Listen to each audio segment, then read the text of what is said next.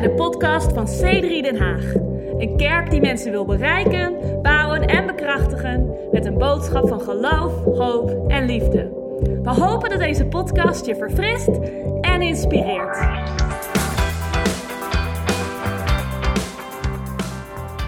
Lucas 24. Dus uh, gaan we mee naar Lucas 24 en uh, het is een verhaal over de Emmausgangers of de Emmausgangers. Of misschien zeggen sommige mensen van jullie de Emmausgangers. Nou, het maakt niet uit wat het is. ik, uh, ik houd vanochtend bij de Emmausgangers. Maar de Emmausgangers, die, uh, en ik zal de context een beetje schetsen, is uh, die uh, na het sterven van Jezus drie dagen bij het kruis wachten en, en hoopten op iets beters. En niet beseften dat Jezus was opgestaan. En eigenlijk teleurgesteld naar huis gingen. Nou, we lezen eigenlijk de tekst vanaf vers 13. Daar staat, en zie, twee van hen gingen op diezelfde dag naar een dorp dat 60 stadien van Jeruzalem verwijderd was. Uh, en waarvan de naam Emmaus was. 60 stadien, even voor jullie uh, rekenkundige beeldvorming, ongeveer 11 kilometer. Dus een wandeling van Scheveningen naar Delft. Dus twee uur wandelen met een goede, goede tred. Sommige mensen doen het hier een anderhalf uur, maar laten we zeggen twee uur wandelden de Emmausgangers uh, van Jeruzalem naar Emmaus. En ze spraken met elkaar over al deze dingen die gebeurd waren. Al deze dingen, nogmaals, Jezus die uh, gekruisigd is. En het gebeurde dat terwijl ze met elkaar spraken en van gedachten wisselden, dat Jezus zelf bij hem kwam en met hem meeliep. Maar hun ogen, werden gesloten gehouden, zodat zij hem niet herkenden. Um, en de een, uh, uh, oh ja, en hij zei tegen hen: Wat zijn dit voor gesprekken die u al lopend met elkaar voert? En waarom ziet u er zo bedroefd uit? Mooie vraag. En de een, van wie de naam Cleopas was, we snappen waarom hij bedroefd was. Zijn ouders hadden hem de naam Cleopas gegeven. Ik bedoel, dat, uh, uh, hij antwoordde en zei tegen hem: Bent u als enige een vreemdeling in Jeruzalem dat u niet weet welke dingen in deze dagen gebeurd zijn? En hij zei tegen hen: Welke dan? En ze zeiden tegen hem: De dingen met betrekking tot Jezus de Nazarener, die een profeet was, machtig in werken en woorden van God en heel het volk.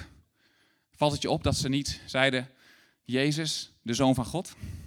Jezus die een profeet was, hij was machtig in werken. Uh, maar ook al sprak Jezus vaak over zichzelf als de zoon van God, dat kwartje was nog niet geland bij deze twee mannen. En, toen, uh, en hoe onze overpriesters en leiders hem overgeleverd hebben om hem ter dood te veroordelen en hem gekruisigd te hebben. Um, en wij hoopten dat hij het was die Israël zou verlossen. Uh, maar al met al is het vandaag de derde dag sinds deze dingen gebeurd zijn. Maar ook hebben sommige vrouwen uit ons midden die vroeg uh, in de morgen bij het graf geweest zijn, ons versteld doen staan. En toen zij zijn lichaam niet vonden, uh, kwamen ze zeggen dat ze zelfs een verschijning van engelen gezien hadden die zeiden dat hij leeft. Dus hè, er is gossip in town, hij leeft, maar nog steeds waren ze bedroefd. Het, het sparkte niet hun geloof. En sommige van hen die bij ons waren, gingen naar het graf en troffen hem ook aan, zoals de vrouwen gezegd hadden, maar ze zagen hem niet. Um, en hij zei tegen hen, o onverstandigen en tragen van hart, dat u niet gelooft wat de profeten gesproken hebben. Moest de Christus dit, lijden niet, uh, dit niet lijden en zo in zijn heerlijkheid ingaan? Um, en hij begon uh, bij Mozes en alle profeten en legde hun uit wat, uh, wat al in de schriften over hem geschreven was. Ik bedoel, dit is een van de meest leuke dingen van de Bijbel. Ik denk de grootste prank ever. Wie is het met me eens? Jezus die denkt van, oké, ze geloven me niet. Terwijl ik de klik even uitzet. Uh, ze, geloven me niet. En in plaats van dat ik nu even instap en zeg van, oké, maar ik zal me, ik ben het. Ik ben het. Nee hoor, hij begon vanaf de wet van Mozes. Hij begon door de profeet en hij begon uit te leggen wat er allemaal aan de hand was. En hij sprak een bijbelstudie van twee uur over zichzelf zonder zichzelf te, te revealen. Ik bedoel, hoe, hoe leuk is dat? Hoe geweldig moet dat zijn? Ik zie, me gewoon, ik, ik zie het gewoon voor me dat Jezus af en toe moest even lachen en zich moet inhouden dat hij zich niet versprak. dat hij in plaats dat hij in de, in de derde persoon sprak, niet tegen zichzelf. Van, hè, en toen kwam ik. Nee, oh, ik bedoel, toen kwam, toen kwam deze man, Jezus. En hij was een bijbelstudie aan het houden over zichzelf. En ik ben echt reuze benieuwd wat Jezus zei. Ik bedoel, dat moet een van de beste bijbelstudies ooit zijn geweest. Uh, um, uh, dat hij twee uur, nee, twee uur... Um, nou, en, um, um, en toen kwamen zij dicht bij het dorp waar ze naartoe gingen en hij deed alsof hij verder zou gaan. Ook leuk, hè? Want Ik bedoel, waar zou Jezus naartoe gaan? Laat we eerlijk zijn. Volgens mij was Jezus dus daar gekomen puur voor deze mensen, maar verder gaan. Dus ik zie het gewoon echt voor me dat hij wandelen was en spreken. En dat hij echt zo'n, weet je, zo'n pauzemoment en zo verder gaan. Ja, nee. Ehm, maar het is interessant. Hij deed alsof hij verder zou gaan. En wat ik ook mooi vind, want Jezus dringt zich nooit op om bij jou binnen te komen.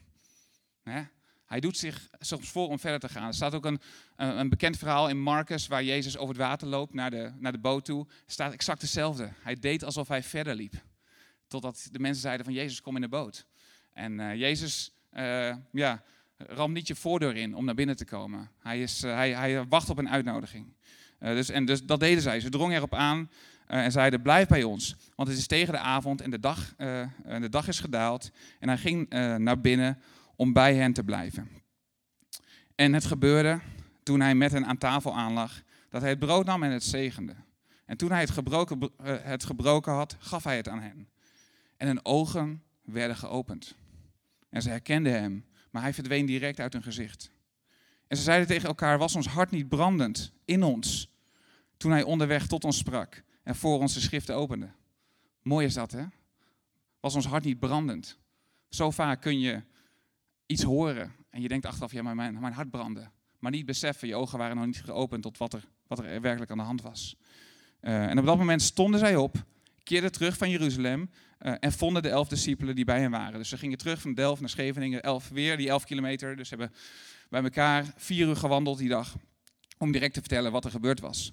En die zeiden, de Heer is werkelijk opgewekt en is aan Simon verschenen. En zij vertelden wat er onderweg gebeurd was en, uh, en hoe hij door hen herkend was bij het breken van het brood.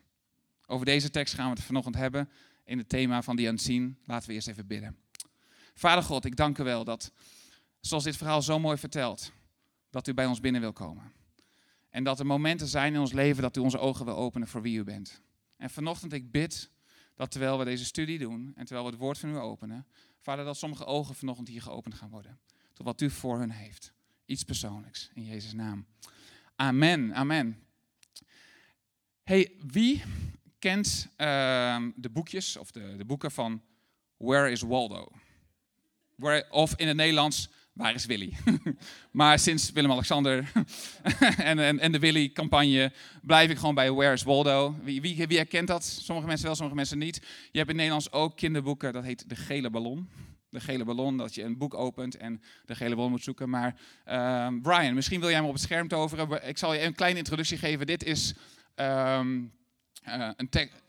Is, uh, ja, dus dat is Waldo, die, uh, die guitige jonge man daar met zijn streepje shirt, zijn blauwe broek. En exact zo, en ik weet dat het scherm een klein beetje door de beamer een beetje slecht is, staat hij hier ergens op het scherm. Dus ik weet dat jullie allemaal nu enorm aan het zoeken zijn. Waar is Waldo? Hè? Ja, dat, dankjewel, dankjewel Nico. Uh, als, je, als je hem hebt gevonden, steek je hand op. Ik bedoel, ik heb maar 35 minuten, dus we kunnen gewoon even wachten. Ik heb ook niet zoveel notes, dus dat is makkelijk. Maar uh, nou, ik zal jullie helpen. Hij staat. Uh, en trouwens, voor de podcastluisteraars, als je dit luistert, inderdaad, zoek het er gewoon op, Where's Waldo? En je snapt precies waar we het over hebben. Uh, maar hij staat hier, boven dat tentje. Zie je hem staan met zijn stok? Hij is een beetje slecht in beeld, maar met exact de, de rugtas, de zonnebril of de, de bril en de, de, verrekijker. Where's Waldo?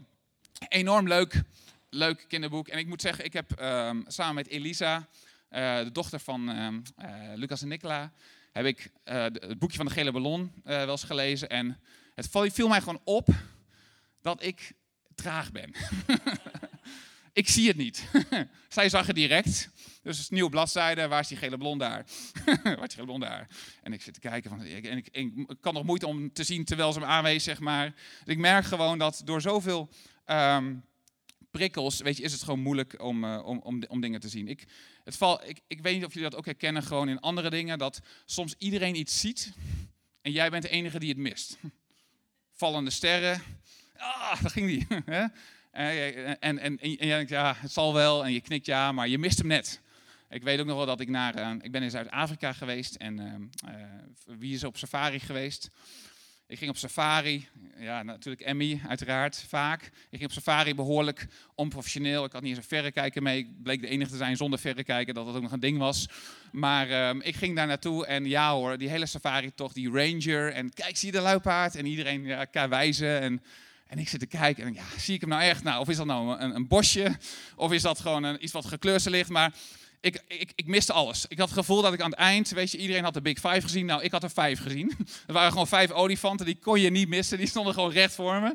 Maar ik, voor de helft heb ik gemist, of dacht ik, ik dacht dat ik het zag, zeg maar. En ehm, ik heb zelfs, um, dit, is, dit is heel erg gênant, maar zelfs wel eens een keer op reis naar Washington DC uh, het Witte Huis gemist. ik, uh, in mijn jonge jaren was ik onderweg naar Washington DC en ik, ik wist dat hij er was. En, ik, ik, en ik, ik, ik, um, uh, ik zag ook een heel groot wit huis, waar ik wat in die tijd cool was, allemaal mooie foto's voor maakte, zoals de Denker. Selfies. En, en, dus ik heb heel veel foto's van mijzelf voor een wit huis. Ik kwam na maanden terug, ik maakte toen nog een fotoboek. Weet je, vroeger maakten jullie fotoboeken. En... Um, en ik zag die foto's en toen dacht ik van ja, weet hè? ziet er toch anders uit. Die palen die zijn recht en volgens mij bij het Witte Huis is dat zo'n halve rondje. Dus ik googelen en uh, ja hoor, stond ik gewoon twee uur lang voor het verkeerde huis. dat is echt gebeurd. De foto's staan nog, je kunt bij mij thuis komen, staan nog in het boek. Maar, um, maar ik mis veel. en misschien heb je dat ook wel. Maar ook helemaal in deze, in, deze tijdsgeest, op dit moment, we krijgen zoveel prikkels. Ik bedoel, we hebben vijf sensoren, hè? gevoel, uh, smaak en reuk, maar vooral uh, horen en zien zijn enorm overprikkeld. Wie heeft dat door? We zien, we nemen zoveel meer op dan vroeger. En we krijgen zoveel prikkels. En wat we doen, omdat we zoveel prikkels krijgen, is wij filteren. We, we, we, dingen die er wel zijn, zien we niet. Dus als je kijkt naar Where's Waldo, weet je, het is heel moeilijk om Where's Waldo te vinden, tenzij je getraind bent om exact te herkennen wie, wie Waldo is. De ranger met wie ik in Zuid-Afrika op reis ging, was getraind. Hij had heel vaak een luipaard gezien. Hij wist exact wat een luipaard was. Mijn ogen waren ongetraind. En ik zag alles. ik zag alles bewegen. Maar ik kon heel moeilijk uit al die chaos, uit al die prikkels filteren van waar focus ik mijzelf op. En dat is ook gewoon vandaag de dag aan de hand met ons, met jou en met mij. En als we vanochtend spreken over die unseen God, de God, laten we zeggen de vierde dimensie die in jouw leven is, hè, in jouw werk, in je relaties, in je huwelijk, in je familie, vragen we ons soms af van waar is God? Waar is God? Waar is God in deze moeilijke situatie? En we hebben zoveel prikkels. We zien zoveel dingen. Dat we soms heel moeilijk God kunnen herkennen tussen al die prikkels. En we zien andere dingen eerst en God is vaak het laatste. Ja, maar ik, ik ben al zo lang met u bezig. Maar waar is dan God in mijn, waar ik u nodig heb? En zoals Emily, of zoals Elisa en zoals die ranger, kunnen wij ook leren om God te kunnen zien. Het is, het is ook gewoon iets wat we vaak herkennen. En ik weet niet of je dat herkent, misschien met vrienden die, die soms God herkennen in situaties en daar een beter oog voor hebben. Maar ik wil vanochtend praten over een paar stappen die jou verder kunnen helpen om God te herkennen in situaties. Om de unseen God, om je ogen te openen. En eigenlijk te zeggen van oké, al, die, al, die, al die dingen die we zien en al die prikkels die we krijgen, hoe focussen we ons dat we zien van oké, maar dit is God. En ik kan de rest uitfilteren. Dus daar gaan we het over hebben. Um, is er een glas water? Hier. Er zit geen water in. Nou, ja, komt goed. Als ik uh, neerval, dan uh, raap je me op. Um, dus de unseen.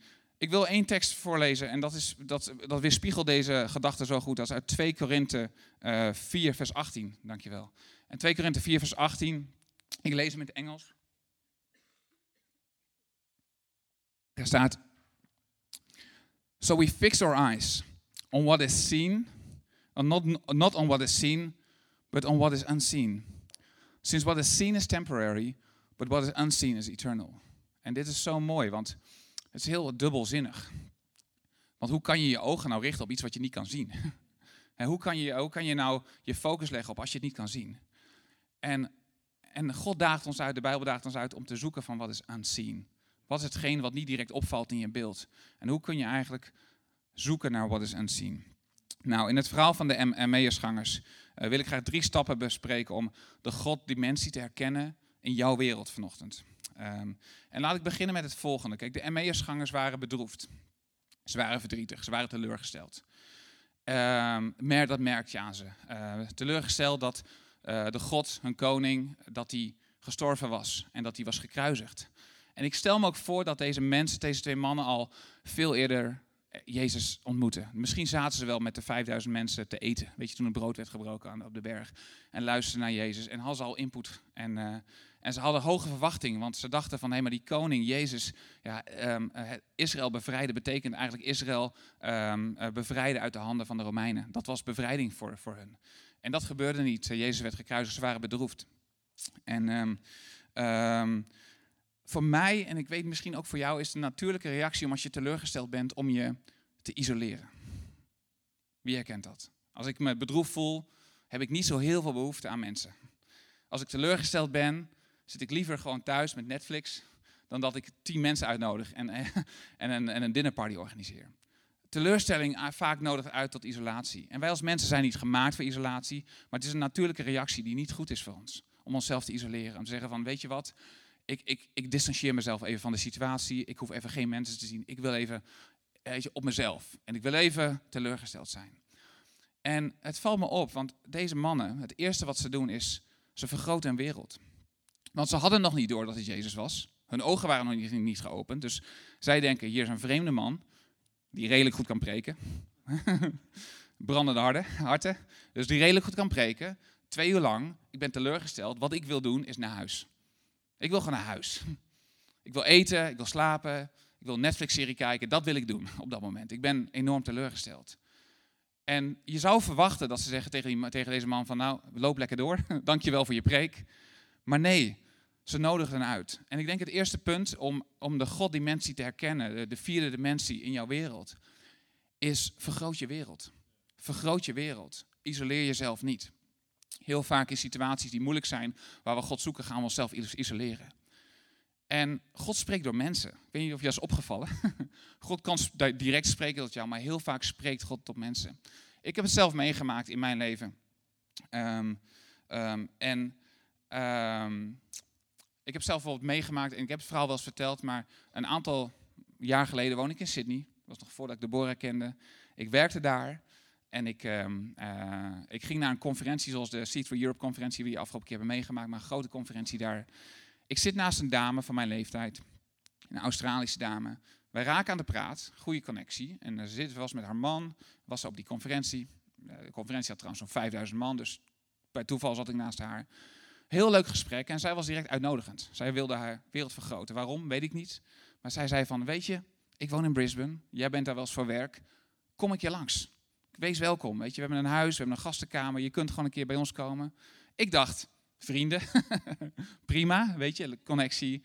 En uh, dus ik gaf mijn uh, kaartje, ik weet dat is ook heel erg van vroeger, maar je businesskaartjes waar je naam op staat. En, uh, want daar stonden mijn contactgegevens op. Tegenwoordig dan, leg je je telefoon tegen je andere telefoon en voilà, je hebt je contactgegevens. Maar ik gaf mijn kaartje en zij leest mijn kaartje. Zeg, hé, hey, wat grappig, jouw achternaam van de Velde, dat is mijn meisjesnaam. En uh, dus we kijken elkaar een beetje gek aan, want zij is Australisch, ik ben Nederlands. En uh, dus dan zaten we een beetje te puzzelen. En toen dachten we van, oh, wacht eens even, maar jouw vader is die. En toen, want in mijn familie, mijn opa uh, in een boerenfamilie, hij had een ruzie met zijn broertje. en dat broertje was eigenwijs en die ging naar Australië toe. En zo was de, de, onze familie was gesplit en nooit meer in contact met elkaar gekomen. Dus ik ging naar Australië. Mijn vader zei wel eens van, hey, er zit wel ergens familie, maar we weten we niet. We weten niet wie en we weten niet waar. En dus wij komen erachter dat haar vader de broer is van mijn opa. Ik bedoel, wat een godmoment. Uh, en, en wat een moment uh, om, uh, door een uitnodiging. Nou, ik, ik, zal het verhaal niet te lang maken, maar wat er gebeurde in, dat, in het jaar daarop, was haar familie, wat behoorlijk uit elkaar lag door, door ruzies. En ook wel heel veel woede naar hun vader toe, voor wat dingen die waren gebeurd vroeger uh, lag enorm uit elkaar, lag enorm in puin. En ik kwam als joker binnen in die familie. ik ging rond van, ja, ik heb familie gevonden. De, de verloren zoon uit Nederland, we weten weer waar we echt vandaan komen. En uh, dus ik kwam eigenlijk en ik dacht, ja, ik, uh, maar ik kwam een beetje dus in een rommelige familie waar iedereen een gossip had over iemand anders. Maar er was heling aan de gang. We gingen bidden, Evelyn, ze heet zij, en ik gingen bidden voor, voor de familie. voor de vader die ook kanker had op dat moment. En die stierf een jaar later. Dus ik was bij de begrafenis en voor de begrafenis was de hele familie bij elkaar. Geheeld. En, uh, en er is heel veel gebeurd in die familie. Uh, Wiets is zelfs langs geweest. Zij zijn hier geweest uh, bij ons. En de, de hele connecties zijn weer terug. En er is enorm veel heling. Nou, achteraf zeg ik, dat was een godding voor mij, 100%. Ik geloof dat God ons bedoeld had om daar te ontmoeten. Misschien was ik daar wel, ik dacht dat ik daar voor werk was, maar misschien was dat wel mijn, mijn roeping daar. Ik weet het niet. Maar het begon bij het vergroten van je wereld. Het begon bij, bij het openen. Um, oh. Dat ruimen we zo wel op. Um, bekend verhaal uit um, uh, Jezaja 54. Uh, Jezaja 54 begint met, o onvruchtbare vrouw. O vrouw die uh, kinderen wil krijgen. Uh, o vrouw die nog geen weeën heeft. En je zou denken, een teleurgestelde vrouw. Dat zou ik denken. Als ik die drie zinnen lees, denk ik van, dat is niet een vrouw die... En wat moest ze doen? Vergroot de plaats van je tent. Vergroot je wereld. Zelfs Jezus. Ik, ik, ik weet niet of je dat, dat, dat soms aan elkaar knoopt, maar waarschijnlijk een van Jezus' grootste teleurstellingen in zijn leven was de dood van Johannes de Doper. Johannes de Doper was een goede vriend en ook een, een verre familie van hem. En, uh, en er zijn geen kinderen hier, maar hij werd onthoofd. en, Johannes de Doper die werd onthoofd en hij kreeg het nieuws. En hij was bedroefd, hij was teleurgesteld. Nou, wat was het eerste wat hij deed in de Bijbel? Hij ging eten met 5000 mensen. Het brood werd gebreken. Ik bedoel, het moment waarop dacht van, nou, dit is het moment dat Jezus alleen wil zijn. Nee, hij sprak voor grote menigte. En hij vergrootte zijn wereld. Dus stap 1, wat je kan doen om God te herkennen soms in je leven is, en ik, echt, het is een roeping voor ons ook als kerk, vergroot onze wereld. Vergroot je wereld. Weet je, en als Cleopas Jezus niet had uitgenodigd, wat was er dan gebeurd? Wat was er gebeurd? Misschien hadden we dit verhaal nooit gelezen. Misschien had Jezus zichzelf niet openbaard. Wat was er gebeurd? Het begint bij de uitnodiging. Je weet nooit wie je, wie je uitnodigt. Staat, hè, in Matthäus 25 staat van, uh, van, maar ik was een vreemdeling, maar u, u me binnen. Nou, hij was een vreemdeling. En, en dit was letterlijk Jezus die werd binnengelaten. Je weet nooit wie je binnenlaat in je leven als je je wereld vergroot. Dus um, vergroot je wereld. Nou, het tweede is, die, de, de Emmausgangers liepen de verkeerde kant op. Ik weet niet of je dat, dat best beseffen, maar het was Jezus uh, had gezegd, blijf in Jeruzalem. blijf in Jeruzalem. Blijf wachten. En uh, in hun teleurstelling liepen ze, die, die, die twee uur, die elf kilometer, liepen ze weg. En ze liepen de verkeerde kant op.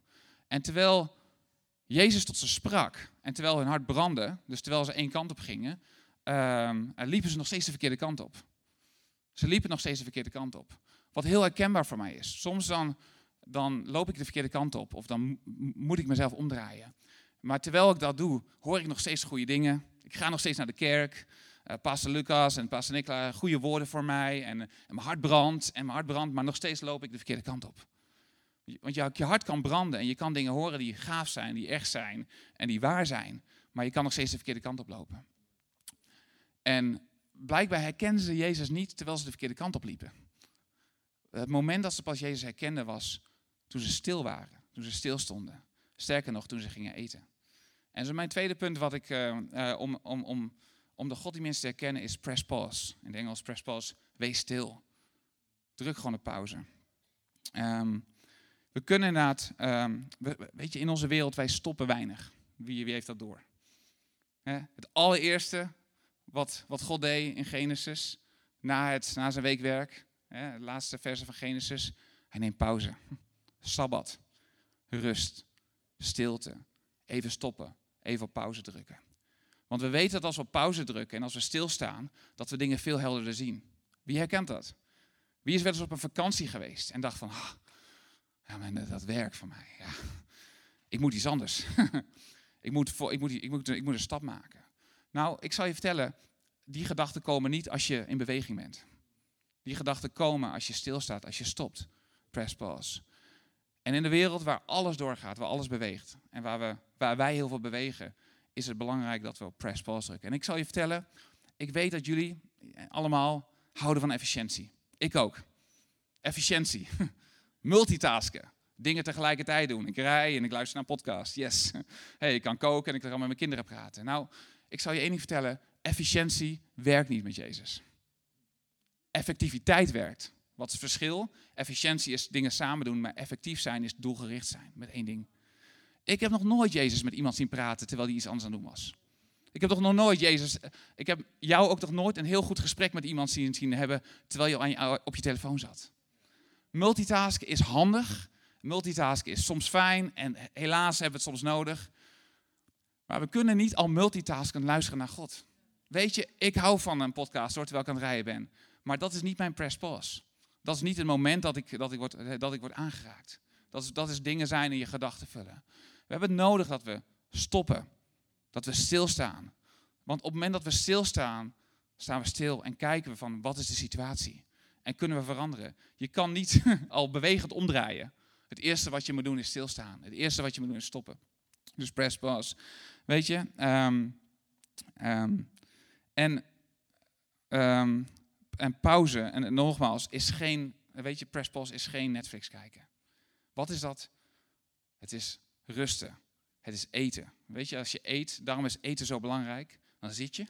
En ik weet dat heel veel van ons het niet meer doen. En ik vaak ook niet. Je eet en je kijkt naar iets. Of je eet en bent met iets bezig. Maar echt goed stilzitten. Wanneer doe je dat? Stilzitten en eten. Wandelen. Wie heeft er gewandeld in deze mooie herfstkleuren? Buiten zijn. Weet je, Matthäus 6 praat uh, Jezus en zegt van, hé, hey, maar als je burden bent, als je belast bent, als je overspannen bent, als je te druk bent, wat moet je doen? Kijk naar de vogels. Nou, kijk naar de vogels in Den Haag is wel heel erg. Wij houden niet zo van de vogels hier, maar kijk, kijk naar de natuur. Loop door de duinen. Loop, bewees buiten. Dat is press pause. Dat is rusten. Jezus zegt letterlijk, ga naar buiten. Blijf niet binnen zitten. Ga dus press pause en ehm, eh, neem die rust voor jezelf. Um, nou, nu komen we aan bij het, uh, bij het mooie stuk. Dus stap 1, wat we doen, is we vergroten onze wereld. Kijken wie zijn er om ons heen. Hoe kunnen wij ons leven vergroten naar andere mensen toe. Tweede, hoe kunnen we stilstaan en wachten. En op het moment dat ze aanlagen, ik weet dat deze mensen lagen, wij zitten vaak aan het eten, maar je mag ook, je mag ook liggen. Maak je geen zorgen. Maar je bent stil. En het derde is, zij ontvingen iets. Nou, ehm, wat, ehm, wat zo bijzonder is, is dat in deze tekst staat, bij het breken van het brood gingen een ogen open. Dus bij, het, bij het, het, aannemen van het brood gingen een ogen open. En ik heb er heel lang over na zitten denken, van wat, wat betekent dat nou? Waarom op dat moment?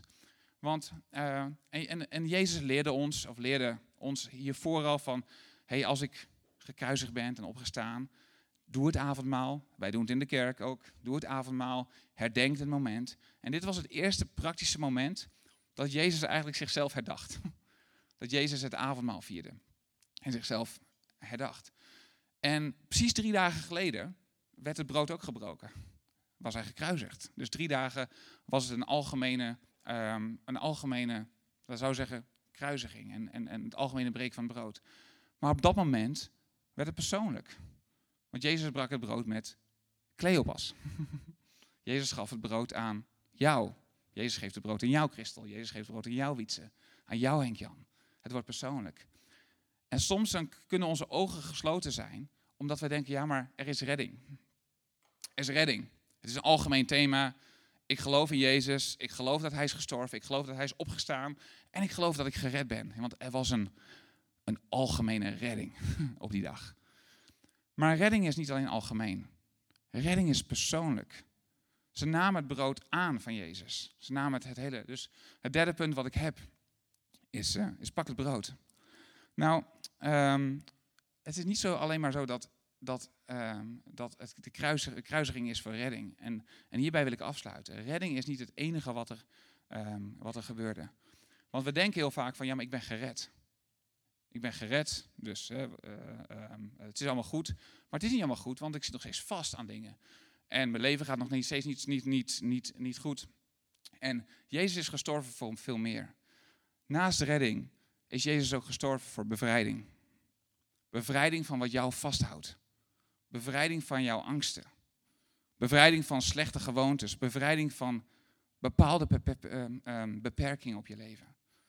En als wij met Jezus in de kamer zitten en we zijn brood ontvangen en ze dat pakken en alleen maar zeggen, ja, maar ik ben, ja, dank u wel voor uw redding. Maar daarmee weglopen, pakken we misschien maar 25% van wat, wat Jezus echt wil doen voor jou. Jezus wil je niet alleen redden, Jezus wil je ook bevrijden. Hij wil je bevrijden van, van die angsten. Bevrijden van die, die gevoelens die zomaar opkomen in je en je weet niet waar ze vandaan komen. En ik voel me overweldigd. Dat is niet van God. Daarvoor is hij ook gestorven. Hij wil je bevrijden van een gewoonte die heel moeilijk is om te verbreken. Hij wil je eh, bevrijden van een beperking. hij is ook gestorven, zodat jij kan ontdekken wie jij bent. Jij kan ontdekken wie, jou, wie jij bent, wat jouw roeping is, wat jouw gaven zijn. Weet je, zo vaak zeggen we, en, en ik, ik heb het meegemaakt, ik heb heel lang gedacht van, oké, God, ik snap het, ik ben gered, maar ik wist niet eens wie ik was. Of wat mijn roeping was. Of ik zat nog vast aan mijn, mijn verslavingen. En als laatste, Jezus gestorven, zodat jij geplant kan worden in de familie om een verschil te maken. Dat jij geplant kan worden in onze kerk, in een andere kerk, in, een, in jouw familie, om een verschil te maken. We zijn hier niet alleen maar voor onszelf. Het is misschien heel hard dat ik dit zo zeg, want misschien voelt dat wel zo van, ja, maar ik ben hier voor mezelf en dat is prima. Maar in die end is, is, de, de, uh, is het kruis van Jezus en niet alleen maar voor om te redden, maar uiteindelijk om je te planten, zodat jij een verschil kan maken in jouw omgeving, zodat jij mensen kan bereiken, dat jij stappen kan zetten. En ik geloof dat de Emmausgangers merkten toen ze het brood persoonlijk kregen van Jezus, toen ze het brood zelf kregen, dat ze dachten van ja wacht, dit is veel meer. Misschien, hè, want ze, uit, uiteraard snapten ze misschien nog het kruis niet wat drie dagen geleden gebeurde, maar dit was hun ogen opende. Dit was het moment waar ze dachten van wauw, dit is redding, dit is bevrijding, dit is een nieuw leven, dit is een nieuw begin. En, en ik denk dat dat een hele grote challenge is. Want soms vragen we ons af waar God is in ons leven. Hè? We komen weer terug bij waar is die Goddimensie in ons leven. En we weten, ja, God, u heeft me gered. Ik weet het. En, ik, en, ik, ik, en, en, en u heeft me zonde vergeven. Maar ik zit nog zo vast. En we pakken het brood niet van, van bevrijding. We pakken alleen maar het brood van redding. En we vergeten het brood te pakken van, ja, maar ik ben ook bevrijd van iets.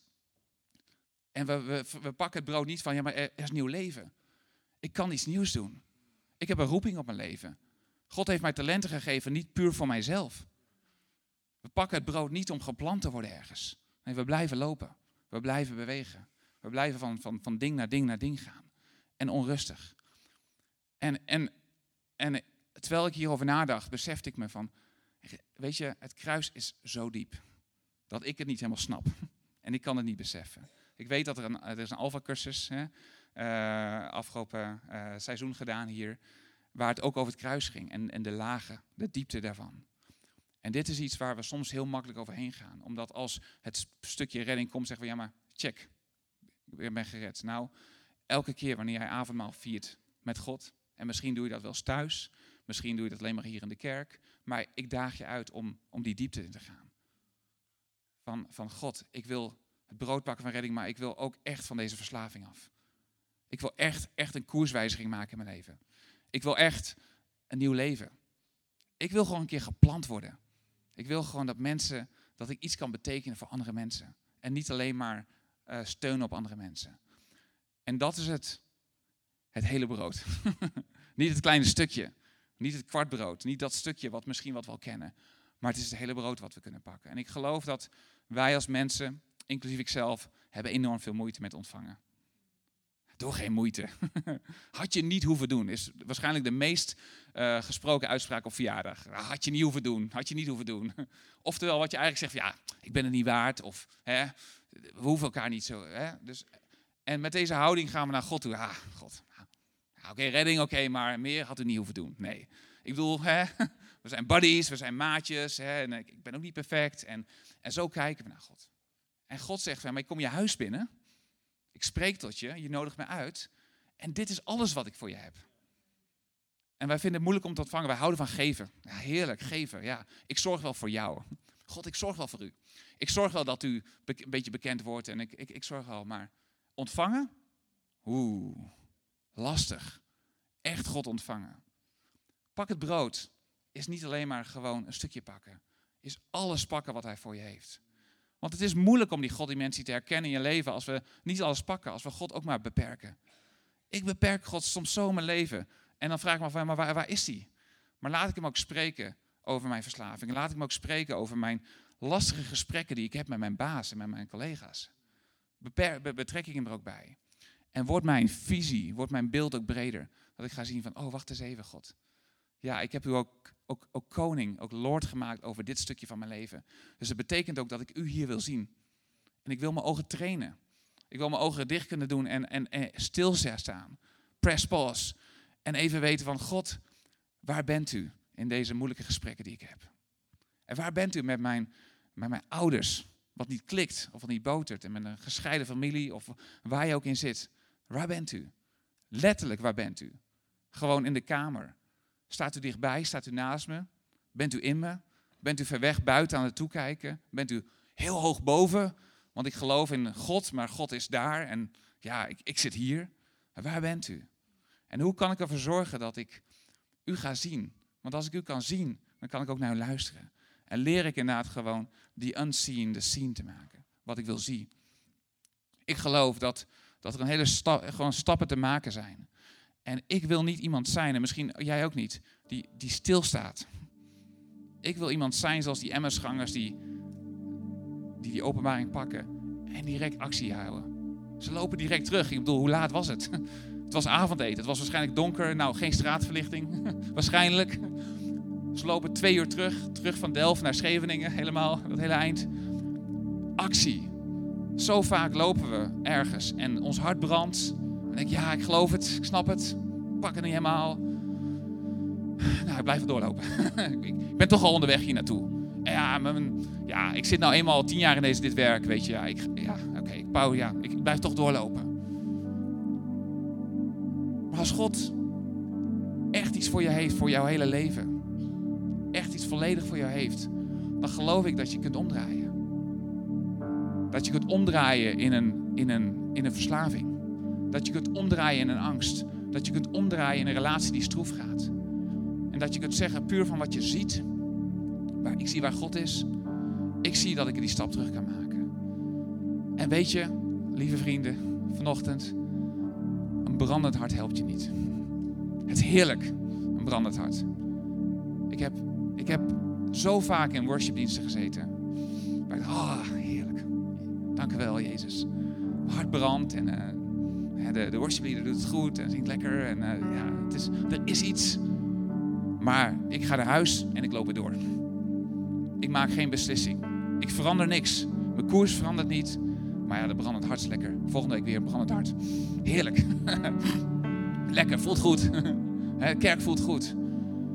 Maar als Jezus hier niet is, vanochtend voor jou, zodat jij een stap kan maken, zodat jij je kan omdraaien van iets, zodat je dieper kan gaan, wat heeft het dan voor zin?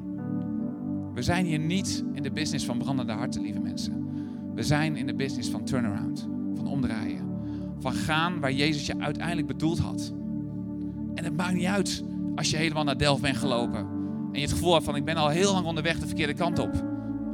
Want het valt je op dat Jezus niet zegt van nee maar Emma's terwijl ik aan het preken ben, moet je niet daar zijn. Nee, die keuze is voor jou. God heeft een plek voor jou, heeft een toekomst voor jou, heeft een locatie voor jou. En je kan altijd omdraaien. Je kan altijd teruggaan naar de plek waar God je bedoeld heeft. Weet je, een roeping op je leven is nooit weg. Je kan een stap maken om te zeggen van weet je wat, God, ik vergroot mijn wereld. Press pause. En derde wat ik doe is ik ontvang u helemaal. Helemaal. Dat hele brood. Alles wat erin zit. Alle ingrediënten. En dat betekent dat ik zie wie ik ben. Dat ik zie wat, wat mijn roeping is. En terug ga naar de plek waar u me had ooit had. En ik loop weer terug. Ik wandel weer terug. En dat is super moeilijk. Dat is heel gek soms. Want het meest comfortabel is door blijven gaan. Wet van momentum. Newton. Vraag Michiel erover. Natuurlijk alles. Het makkelijkste is door blijven gaan met wat je, wat je aan het doen bent. Maar kerk is een press pause moment. De ultieme press pause moment. Wat we hier doen op zondag zijn is je even stilzetten. Een frisse blik kijken naar, naar jouw, jouw leven. Naar jouw relaties. Naar de dingen waar jij je tijd aan besteedt. Naar de dingen die moeilijk zijn. Niet uiteindelijk om je een brandend hart te geven. Maar om je te vragen van, ben je bereid om aan te nemen? En een stap te maken misschien om terug te lopen naar waar God je had. Daar wil ik je voor uitnodigen. Bedankt voor het luisteren naar deze podcast. Wil je er op zondagochtend ook een keer bij zijn? Je bent van harte welkom. Ga voor meer informatie naar c3denhaag.nl